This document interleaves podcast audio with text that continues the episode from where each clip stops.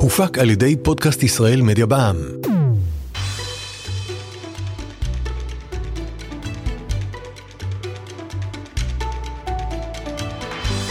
ברוכים הבאים למימד הדיגיטלי, הפודקאסט של דלויט ישראל. אני דוקטור יובל דרור. בכל פרק אנחנו מציגים, מתמקדים ומנתחים נושא אחד ששייך למטריה המאוד רחבה של עולם הדיגיטל, ואז, בעזרת המומחים של דלויט ישראל, אנחנו חושפים את האתגרים וגם את ההזדמנויות שממתינות לכל מי שמתעניין, משקיע ופועל במימד הדיגיטלי. הפעם נעסוק באחד התפקידים החשובים והמאתגרים בארגונים, תפקיד שעבר בשנים האחרונות תמורות ושינויים, ה-CMOs, האנשים, גברים ונשים, שמצד אחד אחראים על המסר השיווקי, ועדיף שיהיה כמה שיותר קריאיטיבי, ומצד שני צריכים לפתח מיומנויות ויכולות בתחומים כמו פיתוח מוצר, דיגיטל וניתוח דאטה. כדי לדבר על התפקיד האסטרטגי הזה בעולם הדיגיטלי שמשתנה במהירות עצומה, שוחחתי עם רחלי קריאל, ה-CMO של דלויט ישראל, ואיתי בונה, senior manager בצוות האסטרטגיה של דלויט דיגיטל. הנה השיחה שניהלנו. ל-CMOs יש הרבה כובעים. למעשה, נייר של דלויט הגדיר חמישה כובעים שונים, חמישה תפקידים שונים, שיש לאדם שמחזיק בתפקיד הזה. אני אמנה אותם רגע. growth driver, capability builder, innovation catalyst, brand storyteller ו-customer champion. וואו, המון תפקידים. אני חושב שאני מבין את רוב הכובעים האלה, אבל אני רוצה רגע להתרכז באחד, ב-innovation catalyst, זרז החדשנות. מה זה אומר? ולמה זה תפקיד של CMO בכלל, איתי? אז הלכת ישר למתקדם ביותר והחדשני ביותר מבין החמישה, שזה מצוין. החמישה האלה הם באמת באים מאיזה ליבה, ליבה מסורתית כזאת של הסתכלות על הצרכן, וסיפור המותג, והצד הקריאטיבי של החברה, ולאט לאט יוצאים החוצה למקומות היותר עסקיים. בסדר? כי שיווק הוא אף פעם לא רק מתעסק במטרות פרטיות שלו, אלא משרת בעצם איזושהי צמיחה עסקית של הארגון. ואינוביישן קטליסט מסתכל הכי רחוק, מסתכל על המוצרים והשירותים לא הקיימים, אלא אלה שעדיין או נמצאים באיזשהו פיתוח כזה ואחר, או שהם אפילו עוד לא נוצרו אפילו לא במחשבה, אלא עתידים להיות מתישהו נחוצים, ותפקידו של ה-CMO לזרז את זה, להפוך את זה למעניין יותר, להפוך את זה ליעיל יותר. אמ, הדור הבא של ההכנסות אולי אפשר לקרוא לזה, שעוד קשה לראות אותם כרגע. הוא לא עושה את זה בעצמו, הוא אף פעם לא עושה שום דבר בעצמו, אבל הוא, אבל הוא הרבה פעמים יהיה זה שיניע את הגלגלים של הדבר הזה. והמוצר הבא הוא לא חייב להיות more of the same, הוא לא חייב להיות וריאציה של משהו קיים. אה, אם ניקח שנייה את, את מדף החלב, בסדר? כי קל לדמיין את זה ככה, אז זה לא חייב להיות טעם חדש של מוצר קיים, אלא זה יכול להיות החל מווריאנט אחר לגמרי של צורת צריכה, אני בכלל אצרוך את זה בכלל לא מקורר אלא במקום אחר, ואולי אפילו מודל עסקי חדש שאפילו החברה עדיין בכלל לא מדמיינת שהיא יכולה להיות פעיל, במקום לקנות את זה בסופר, לקנות את זה ישירות עד הבית. אז hmm. יש הרבה מדרגות שאפשר ללכת באינוביישן שה-CMO מוביל. תלוי עד כמה, עד כמה רחוק המטרות שהוגדרו לו. זה מעניין, כי אני הייתי בטוח ש-CMO יש לו סט של מוצרים, הוא אומר, אוקיי, איך אני דוחף אותם, איך אני משווק אותם, איך אני מקדם אותם, בעצם אתה אומר לא. אחד התפקידים של איש שיווק טוב, זה להסתכל מעבר למה שיש בכלל. ותוסיף לזה גם את ה... קצב השינויים שתוקף את כולנו, לא משנה באיזה תחום אנחנו ובאיזה מקצוע ובאיזה חברה, וקצב השינויים, גם הטכנולוגיים, אבל בכלל, המהיר ש, שתוקף אותנו בעשורים האחרונים, וההתאמה לשינויים הזאת, היכולת להגיב, היכולת לצפות לא יותר מדי רחוק, קדימה, אבל לא יותר מדי, אה, מאוד משפיעה על ה-CMO, עד כדי כך היא משפיעה שהוא אפילו... הקדנציות שלהם hmm. הולכות ונהיות קצרות. Hmm. הם ה-C-Level עם הקדנציה הממוצעת הקצרה ביותר כיום. זה משפיע עליהם.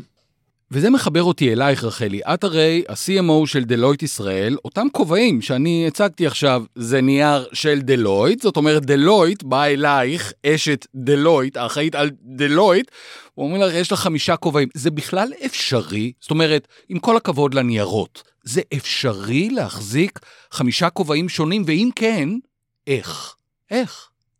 זה באמת, אני חושבת שלהגיד שבן אדם אחד יחזיק את כל הכובעים האלה, זה לא באמת ריאלי. אין, אין אדם אחד שיש לו כל כך הרבה capabilities, לא, לא קיימת חיה כזאת. אבל החוכמה של CMO טוב, זה פשוט לאסוף סביבו את האנשים הנכונים. זה, זה בכלל נכון בניהול, זה לא המצאה של CMO, אבל מנהל טוב הוא אחד שיודע לאסוף את האנשים הטובים סביבו, ולהביא את כל היכולות האלה, סוג של כמעט אה, מנהל לכל אחד מהכובעים האלה.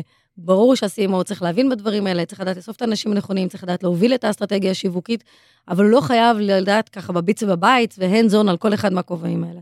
אה, ולמעשה גם אה, בדלויט, אני חושבת שאנחנו הולכים ומתפתחים. הכובעים האלה, אני נמצאת כבר, אה, כמו שאמרתי, לא מעט זמן בדלויט, וגם אני ככה צוברת עוד ועוד כובעים. כמה זמן האלה. את נמצאת בדלויט? אני מתקרבת ל-19 שנה. 19 שנה. המילה לא מעט זמן. אז אני לא יודעת, אז מה שאיתי אמר קצת מאוד מטריד אותי, או שבדלויט פשוט אנחנו, זה קצת אחרת, אבל כן, לא מעט זמן. אבל זה דווקא באמת מה שאפשר לי ככה לאסוף את הכובעים, לא רק אליי, אלא לכל המחלקה בעצם, ולעשות את כל הדברים האלה. אז אם נתחיל עם, ה, לצורך העניין, הדבר הקלאסי, אני חושבת שהתפקיד הקלאסי של ה-CMO, באמת היה סטורי טלר. ה-CMO הקלאסי המקורי היה בן אדם שידע לספר סיפור כמו שצריך. וגם פה בדלויט אנחנו לקחנו, עשינו איזשהו מהלך מאוד מאוד מעניין, של בעצם בכלל לשנות את הסיפור שלנו. לקחת את הסיפור הסטנדרטי שבדרך כלל באים ללקוחות ואומרים, שואלים אותך, מה אתה עושה? אני בדלויט, מה יש בדלויט? יש ביקורת, יש ייעוץ, יש אה, אה, מס. ובעצם ללמד גם את הלקוחות וגם את האנשים שלנו לספר את הסיפור אחרת לגמרי. לספר את הסיפור, מה שאני קוראת לו outside in, להסתכל על העולם הצרכים של הלקוחות ולהציג את כל מניפת השירותים שלנו כמענה לצרכים, לדבר על צורך ומענה. והיה פה אפילו שחיטת פרות אה, קדושות, כי פעם אה, אנשים ידעו בגאווה גדולה להגיד, אני שייך לחטיבת הבקורת, אני שייך לחטיבת המס, ואני אומרת להם, זה בכלל לא מעניין, זה שקוף ללקוח, איזה חטיבה אתה, מי המנהל שלך, זה לא מעניין. אתה בא לפתור לו בעיה. יש לך כרגע בעיה, אתה רוצה לעשות איזושהי טרנספורמציה דיגיטלית, בוא נביא לך את כל מערך השירותים end-to-end שיש לנו, שיקח אותך עם אנשים מכל מיני דיסציפלינות ומכל מיני חטיבות, שיעזרו לך לעשות את המסע הזה. אז זה למשל דוגמה איך אנחנו יישמנו את הדבר הזה של ה storytelling אצלנו. תני לי עוד דוגמה. אז עולם נוסף של, אה, זה עולם של ה champion, של ה client championship. אז בעצם מה אנחנו עשינו גם כן, שינינו אצלנו את המבנה. אם פעם אחת היה מאוד שטוח, אנחנו יצאנו למקום שבו יצרנו איזשהו צוות, קראנו לו ה-Client Excellence Center, שבעצם כל מטרתו הוא לייצר חוויה, מסע לקוח הוליסטי, ולהסתכל על לקוח ולהתמקד בהצלחה שלו, וכדי לעשות את זה, גם uh, גייסנו ויצרנו תפקידים שלא היו קלאסיים, לא היו קיימים בשיווק קודם. לדוגמה? לדוגמה, uh, גייסנו marketing analyst, משהו שלא היה אצלנו בצוות קודם לכן, ותפקידו של ה marketing analyst זה לקחת את הדאטה שיש לנו בתוך ה-CRM, דאטה שנולד מקמפיינים שיווקיים שאנחנו עושים, ולקחת את כל הדאטאות האלה ולייצר, א', מסע פרסונלי יותר ללקוחות, וב', אה, גם כן אפילו לייצר מודלים. מודל לזהות אם יש נטישת לקוחות, מודל לזהות איך אנחנו מגדילים נתח לקוח וכל הדברים האלה.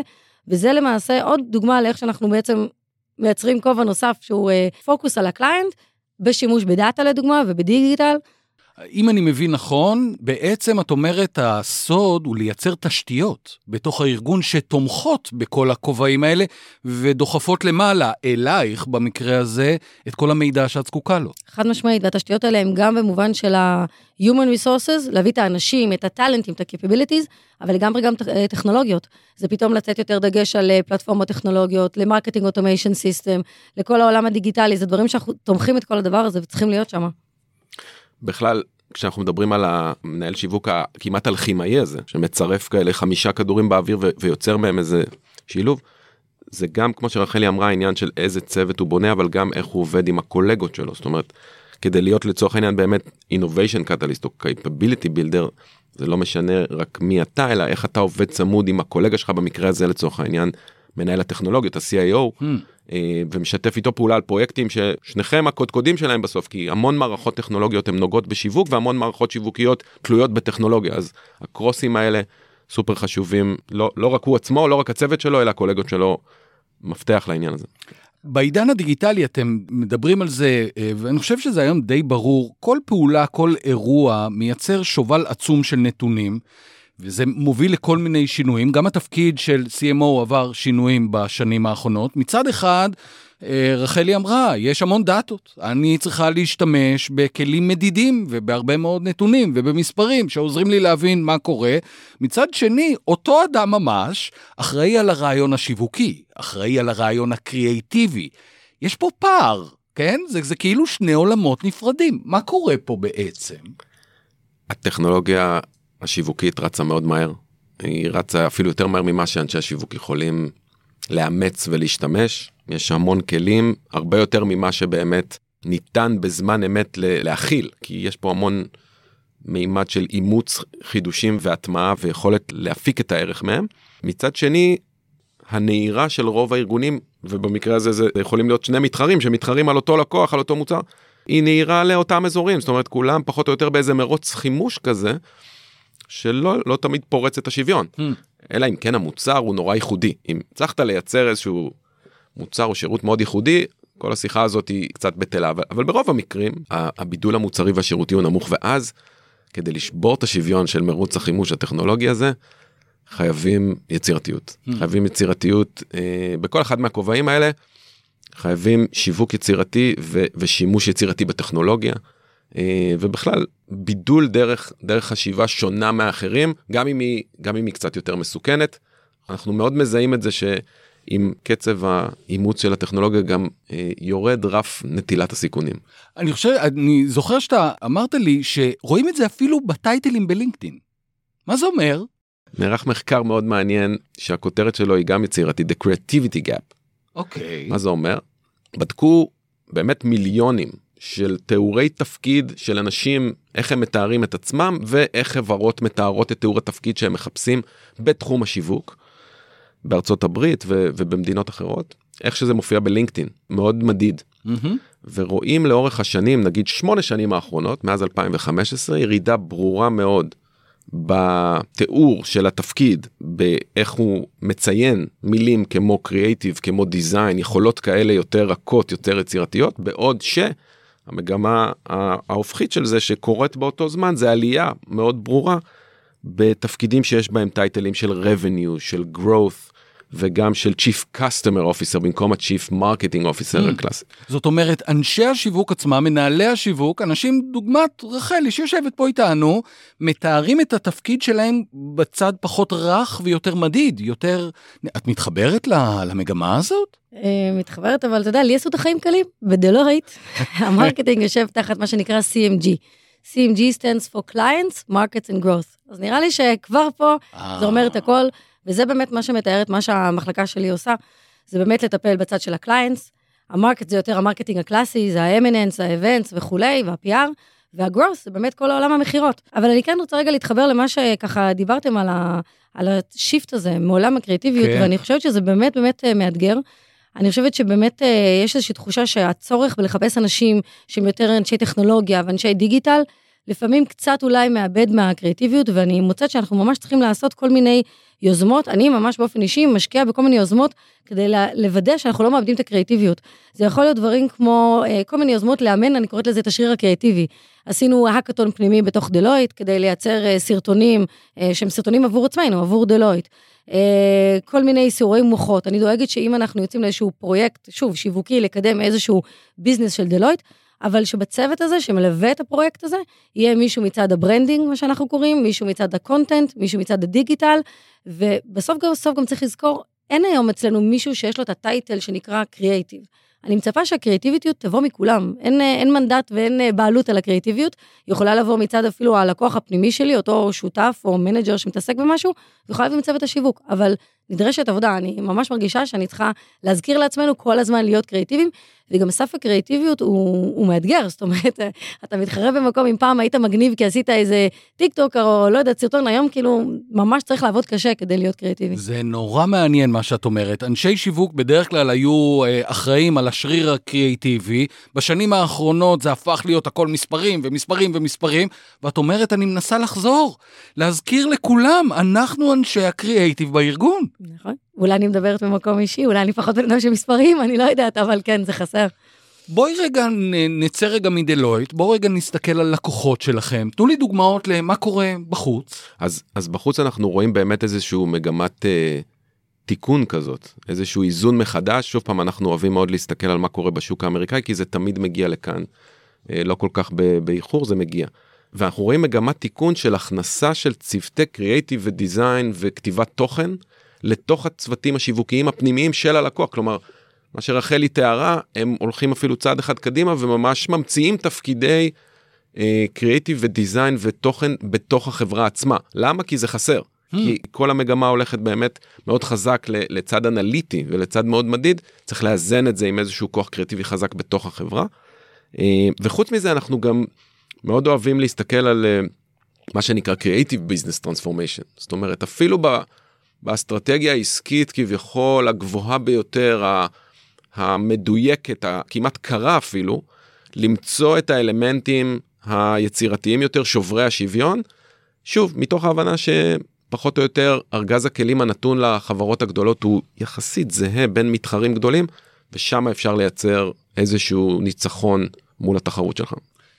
יש חברות וארגונים שבכל זאת מפרידים את שני, הייתי אומר, צדדי המוח האלה, כן? הצד האנליטי והצד הקריאיטיבי, או שהיום זה, כולם מבינים שזה אחד. איך זה, איך זה קורה בחברות שבחוץ?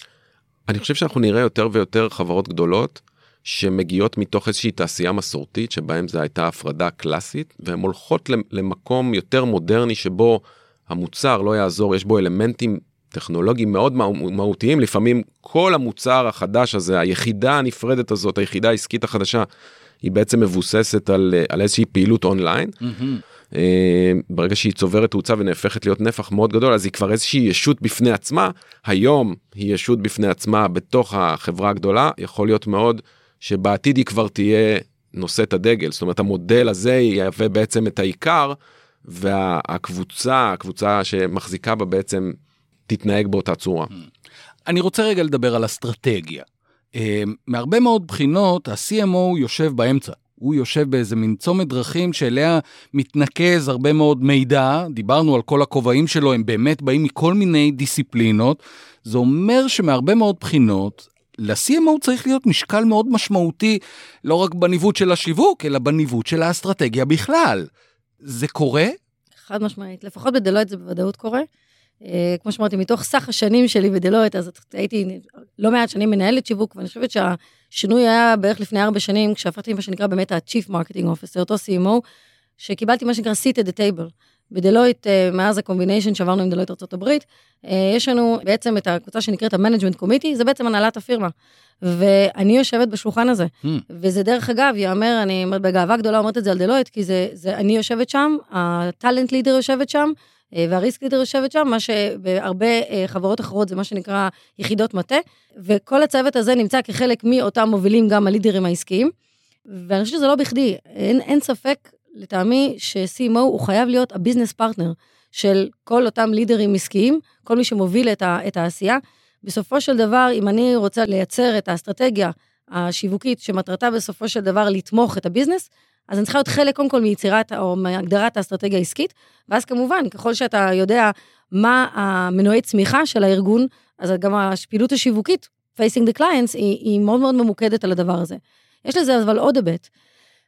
ההיבט הנוסף הוא שלפחות uh, בדלויט, uh, הרי אנחנו יודעים שתפקידו של מנהל שיווק בדרך כלל, אני חושבת, הוא גם שיווק פנימי וגם שיווק חיצוני. Mm-hmm. בדלויט זה עוד יותר מהשיווק הפנימי, על, על להתעסק עם להטמיע את המסרים והאסטרטגיה, שזה מהותו של שיווק פנימי, יש עוד היבט, לפחות אצלנו, אני גם אחראית על נושא תקשורת הפנים-ארגונית. וכאן אני עובדת בשיתוף פעולה מלא עם מנהלת הטאלנט, זה בדיוק מתחבר למה שדיבר איתי על השיתופי פעולה בין הגורמים השונים, אבל ברגע שהתקשורת הפנים-ארגונית יושבת אצלי, זאת אומרת שכל מיני דיונים שמאוד מאוד רגישים בצד האסטרטגיה, מה שנקרא המשאבי אנושית. זאת אומרת, איך אתה מתמודד עם כל מיני סיטואציות רגישות, אני יכולה לתת כדוגמה רק מהתקופה האחרונה, זאת אומרת, כשפרצה הקורונה והיה לנו דיונים שלמים, יחד עם מנהלת הטאלנט, זאת אומרת, מה ההנחיות שנותנים, ומנהלת הסיכונים, מה ההנחיות שנותנים לעובדי דלויט, איך עובדים, כמה עובדים, סגרים וכולי, אבל אלמנט מאוד חשוב פה הוא גם איך אתה מתקשר את זה להם. ולכן אני נמצאת כבר מ-day one בעצם הדיון, מה אומרים ואיך אומרים, ואחר כך גם בלומר את זה. ולכן אין ספק, אני חושבת שהמקום מאוד מאוד נכון למנהל שיווק, לסימו, הוא to have a seat at the table בהנהלה. אני חוזר רגע לחברות המסורתיות, איתי. הרבה פעמים מנהלי שיווק היו כפופים, כפופים להנהלה. הם לא ישבו, לא היה להם seat at the table, כמו שאומרת רחל, הם היו כפופים, הם היו אומרים להם מה רוצים מהם. זה, זה הגיוני עדיין להתייחס ככה למנהלי שיווק מבחינת מה שרחלי אמרה עכשיו? מאוד תלוי בסוג החברה. אה, אפשר, אפשר לסווג פה באמת חברות שהמוצר המרכזי שלהם הוא זה שמעצב באמת את המבנה. חברות חדשות יותר, חברות טכנולוגיה, לעומת חברות מסורתיות שיש להן פורטפוליו רחב, יש להן מגוון שירותים. אני מאוד ממשיך את הקו שרחלי אמרה, אה, ככל שה-CMO ירחיב את היריעה, ככל שהוא באמת אה, ייקח תחת אחריותו, וזה לא משנה כרגע מה בטייטל, אבל, אבל מה במהות, תחת האחריות שלו, כל שילוב פה הוא מנצח, בסדר? יש, יש אה, שילובים בין שיווק למוצר, יש שילובים בין שיווק לפיתוח עסקי ואסטרטגיה. יש כאלה שלוקחים את כל הצד הדיגיטלי טכנולוגי תחת mm. כנפיהם, יש כאלה שבאמת בהקשר של מיתוג מעסיק וחוויית עובד, עד כדי שירות לקוחות גם. זאת אומרת, כל שילוב פה הוא מנצח כל עוד אתה מרחיב את היריעה בטוויטר, חברה שאתה אוהב, ה-CMO היא גם Head of People. זאת אה, אומרת, באמת? כן, כן. דרך אגב, גם בדלויט, מישל, גם בדלויט. כן, גם בדלויט בדלויט. בארצות הברית, כאילו, ה- הכי למעלה. זה נורא, אני, אתה יודע מה, עכשיו כשאני חושב על זה, זה מסתדר. מצד אחד, כן, זה מצד אחד מסתדר, מצד שני זה באמת לא היה ככה בעבר. נכון, נכון. שוב, מתוך הרצון ליצור תהליכים באמת עמוקים וחוצי ארגון, וגם כנראה קצת להגן על הבית של ה marketing הקלאסי. מאז 2008, אה, פירמת דלויט בארצות הברית, יחד עם אוניברסיטת דיוק ואיגוד השיווק האמריקאי, עושים סקר, סקר CMO מקיף מאוד, הוא מציג את תמונת המצב ההשוואתית בתוך ארצות הברית במגוון של נושאים, יש, הם עושים סקרים ושאלונים, עונים עליהם מאות אה, סמנכלי שיווק ומנהלי שיווק בכירים, ובשנתיים האחרונות, דלויט עורכת סקר מקומי שכזה יחד עם איגוד השיווק הישראלי, ואיתי אתה לקחת חלק מרכזי באירוע הזה, אתה ניהלת והובלת את האירוע הזה, התוצאות התפרסמו בספטמבר 2022, יש לי כמה שאלות. הנה השאלה הראשונה, אני רוצה שנדבר לרגע על אחת הסוגיות שראיתי ככה לאורך כל הסקר, והיא השאלה במה מתמקדים. שוב, אנחנו בעולם שיש בו כל כך הרבה תפקידים, במה מתמקדים. אני אתן לך דוגמה מתוך התוצאות של הסקר. 9% מהנשאלים אמרו שהם מתכוונים להפחית את תקציבי השיווק הדיגיטלי, אבל 63% מהנשאלים אמרו שהם מתכוונים להגדיל. מצד שני, 17% מהנשאלים אמרו שהם מתכוונים להגדיל את תקציבי השיווק המסורתי, 36% אמרו שהם מתכוונים דווקא להפחית אותם. מתמקדים בדיגיטל. כן, אז בסקר הזה אנחנו אוהבים כל שנה לשים את האצבע על הדופק ולבדוק מה קורה ומה משתנה. יש דברים שמשתנים משנה לשנה, אולי תכף נדבר עליהם, ויש דברים שהם ככה חוזרים על עצמם. מגמה מתמשכת. מגמה מתמשכת. אני חושב שהחלוקה של תקציב השיווק הכולל בין כל הערוצים השונים וכל הכלים השונים, וההסתה לדיגיטל זה כבר משהו שהוא פה להישאר והוא קורה הרבה.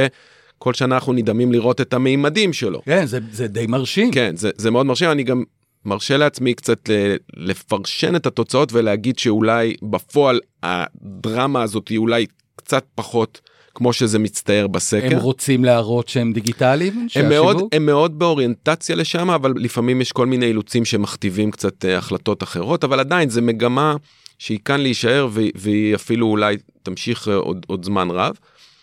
מצד שני, אנחנו רואים שם דברים שכל שנה קצת אה, טורפים את הקלפים, או מצביעים על משהו שקורה ממש כאן ועכשיו. תן לי דוגמה. למשל, השנה ראינו שיפט משנה קודמת, אנחנו שואלים שם מה משימת השיווק החשובה ביותר שלך. וזה קצת מצביע באמת לאן הרוח נושבת, ובדרך כלל המשימה החשובה ביותר היא להביא לקוחות חדשים. אתה, אתה, יש לי פה שאלה, אני, אתה לא ראית את השאלות קודם, אני, אז אני אשאל אותה.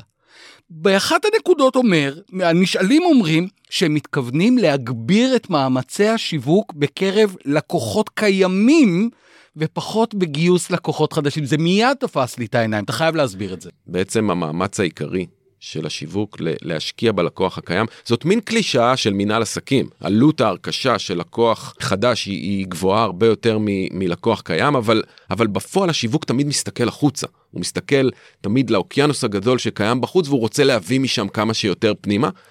השנה אנחנו רואים מין הבנה, מין חלחול כזה, שהרבה יותר, הרבה יותר כדאי להשקיע פנימה. זה פחות זוהר קצת, זה פחות מסעות פרסום כן. גדולים, המוניים, מהמם. שכולם רואים, זה יותר עבודה ממוקדת, יותר ישירה מול מי שכבר נמצא איתך באיזשהו קשר, אבל זה הרבה יותר אפקטיבי, וזה מחזיק לטווח יותר ארוך. רחלי, זה זה- גם משהו שאת מרגישה אותו? כן, אז, אז אני באמת רוצה להתחבר למה שאמר איתי, קודם כל באמת על הטרנד הזה, מה שאתם מדברים על אה, לגייס מתוך אה, לקוח קיים, אז אני חושבת שזה בדיוק המהות למעשה של הקמת ה-Client Excellence Center. זאת אומרת, חלק מהדבר הזה זה להשקיע בלקוחות. זאת אומרת שאנחנו מייצרים אה, מתודולוגיות, איך לנהל את הלקוח הזה, איך להגדיל באמת נתח לקוח, איך לתת לו יותר ערך, איך לייצר לו מסע הרבה יותר שלם. זה לא אומר שאנחנו ויתרנו על הרצון להביא עוד לקוחות חדשים.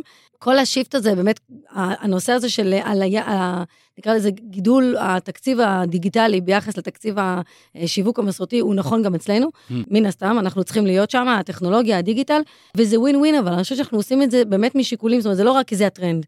זה נורא נורא נכון גם ללקוח, כי בסופו של דבר, ככל שאתה הולך יותר למאמצים דיגיטליים, הלקוח מקבל משהו מאוד מאוד ממוקד, שמאוד מאוד רלוונטי, not spamming הם, נותנים לו מה שהוא רוצה ומה שהוא צריך, ומצד שני, עבורנו זה הרבה יותר מדיד, ואנחנו יכולים אה, למש, למדוד את ה-conversion rate שלנו, ה-conversion עובד הרבה יותר קל בעולמות הדיגיטליים, ולכן אנחנו עושים את זה אה, ככה, וגם כן באמת, אנחנו מביאים הרבה מאוד יכולות in-house, כמו שדיברתי על אותו גיוס של marketing אה, אנליסט, אז גם כן, זה דברים שאנחנו עושים uh, בבית, כדי באמת uh, להצליח ככה יותר טוב למנף את הדאטה ולייצר את המסעות האלה.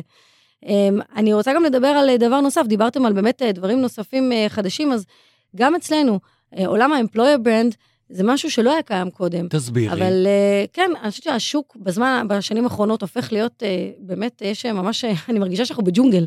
המלחמה על הטאלנטים, אני יכולה להגיד שבאופן ספציפי דלויט, יש שני אזורים שאנחנו היום ככה עובדים קשה. אחד, זה עולמות של המתמחים בראיית חשבון. וזה לא בעיה של דלויט, זה בעיה כללית במקצוע. מקצוע ראיית החשבון הפך קצת פחות אטרקטיבי, כל המשרדים הגדולים עובדים קשה כדי להביא אותם, זה אומר שאנחנו היינו צריכים ככה להמציא את עצמנו, איך אנחנו מגיעים למתמחים העתידיים, לסטודנטים האלה, איך אנחנו גורמים להם לבחור בנו.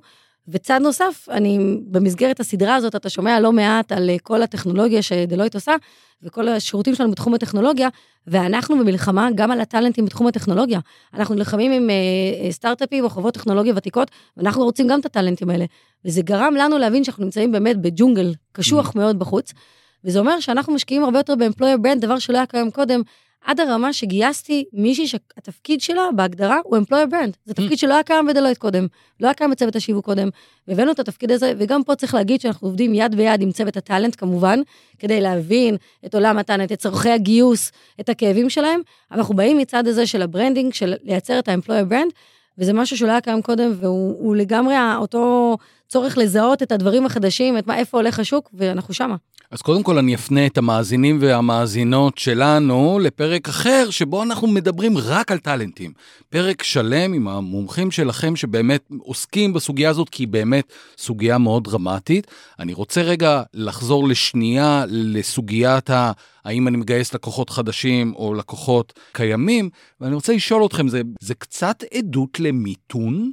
העובדה שמסתכלים יותר פנימה במה שיש לי, כי יודעים שהמחיר של להביא, או המחיר וגם היכולת להביא חדשים תהיה יותר קשה? זה עדות לזה, או שאני מפרש פה משהו שלא... מיתון הוא חלק בעצם מכל האי-ודאות שמלווה mm. אותנו אחורה וכנראה קדימה, ואולי אפילו מתעצמת. ובאי-ודאות, הדבר הנכון לעשות הוא קודם כל באמת להסתכל על מה יש לך כבר.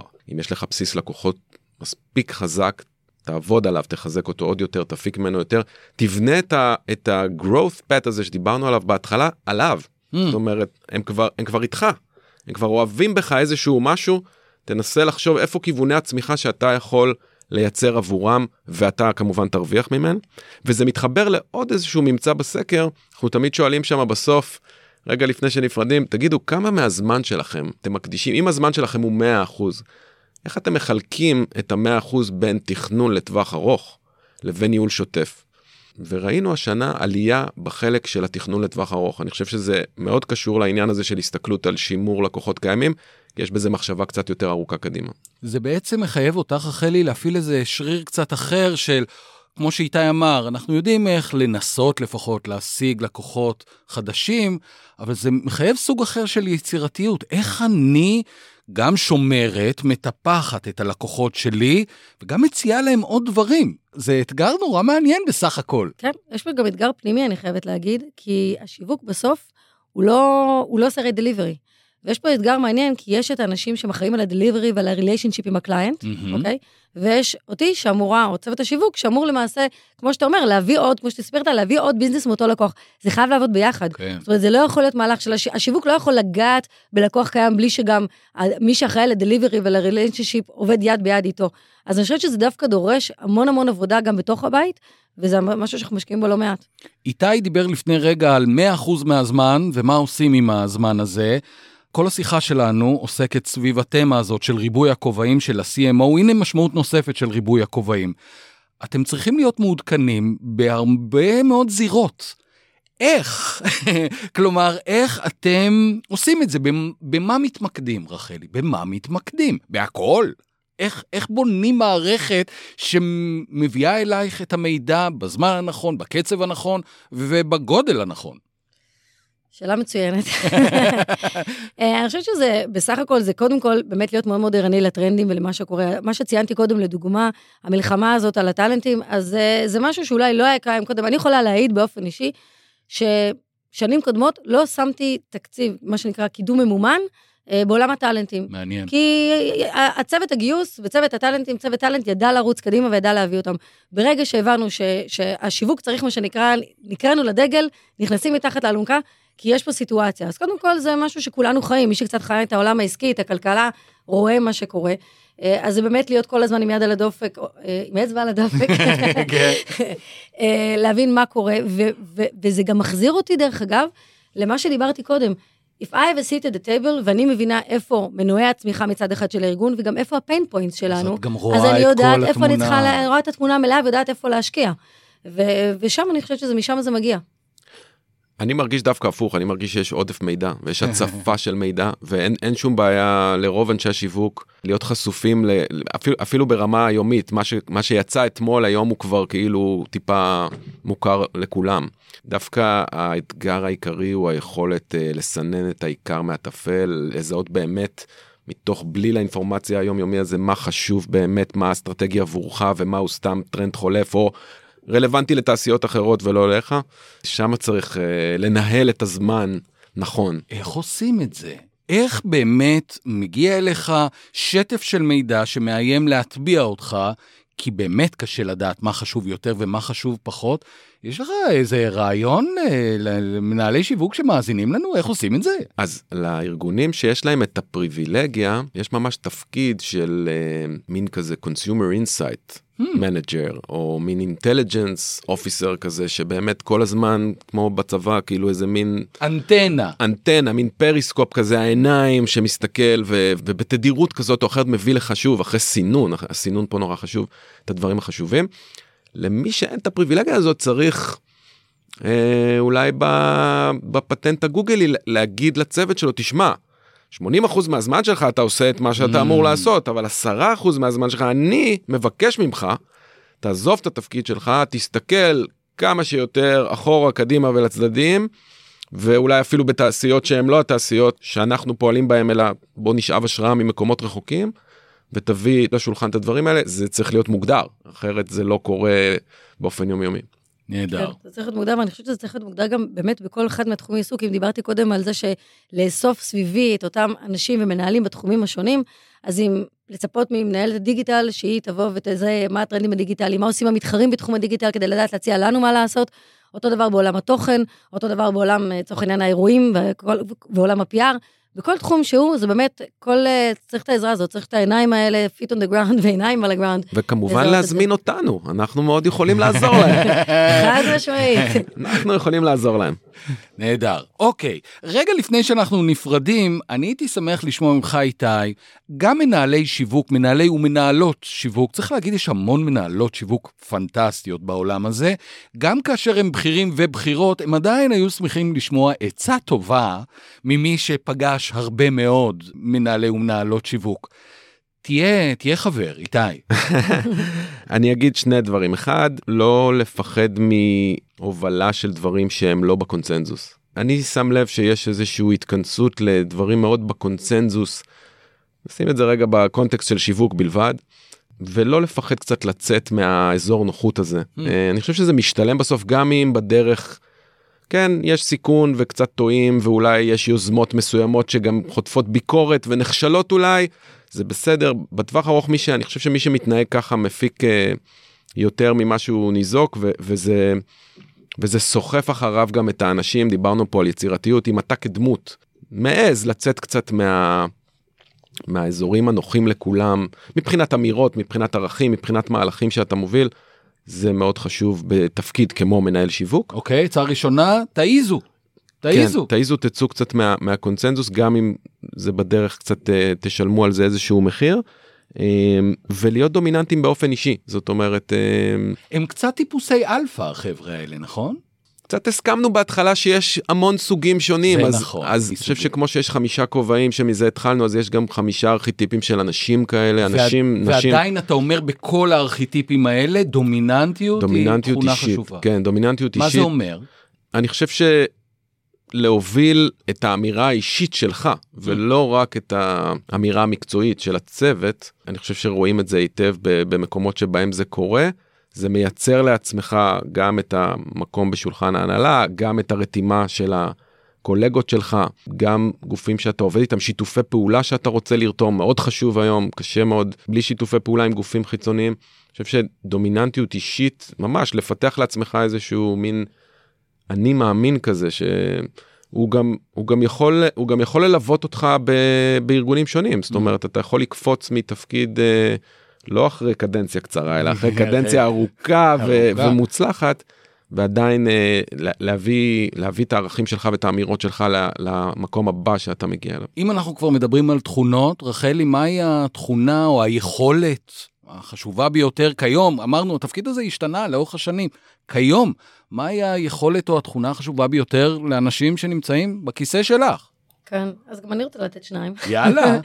כי אני חושבת שבאמת, בעצם כל מה שדיברנו עליו, כל השינויים האלה, דורשים מסימו להיות אג'ילי מאוד. להעיז, או זה מתחבר גם לה- להעיז, להשתנות, לא לפחד.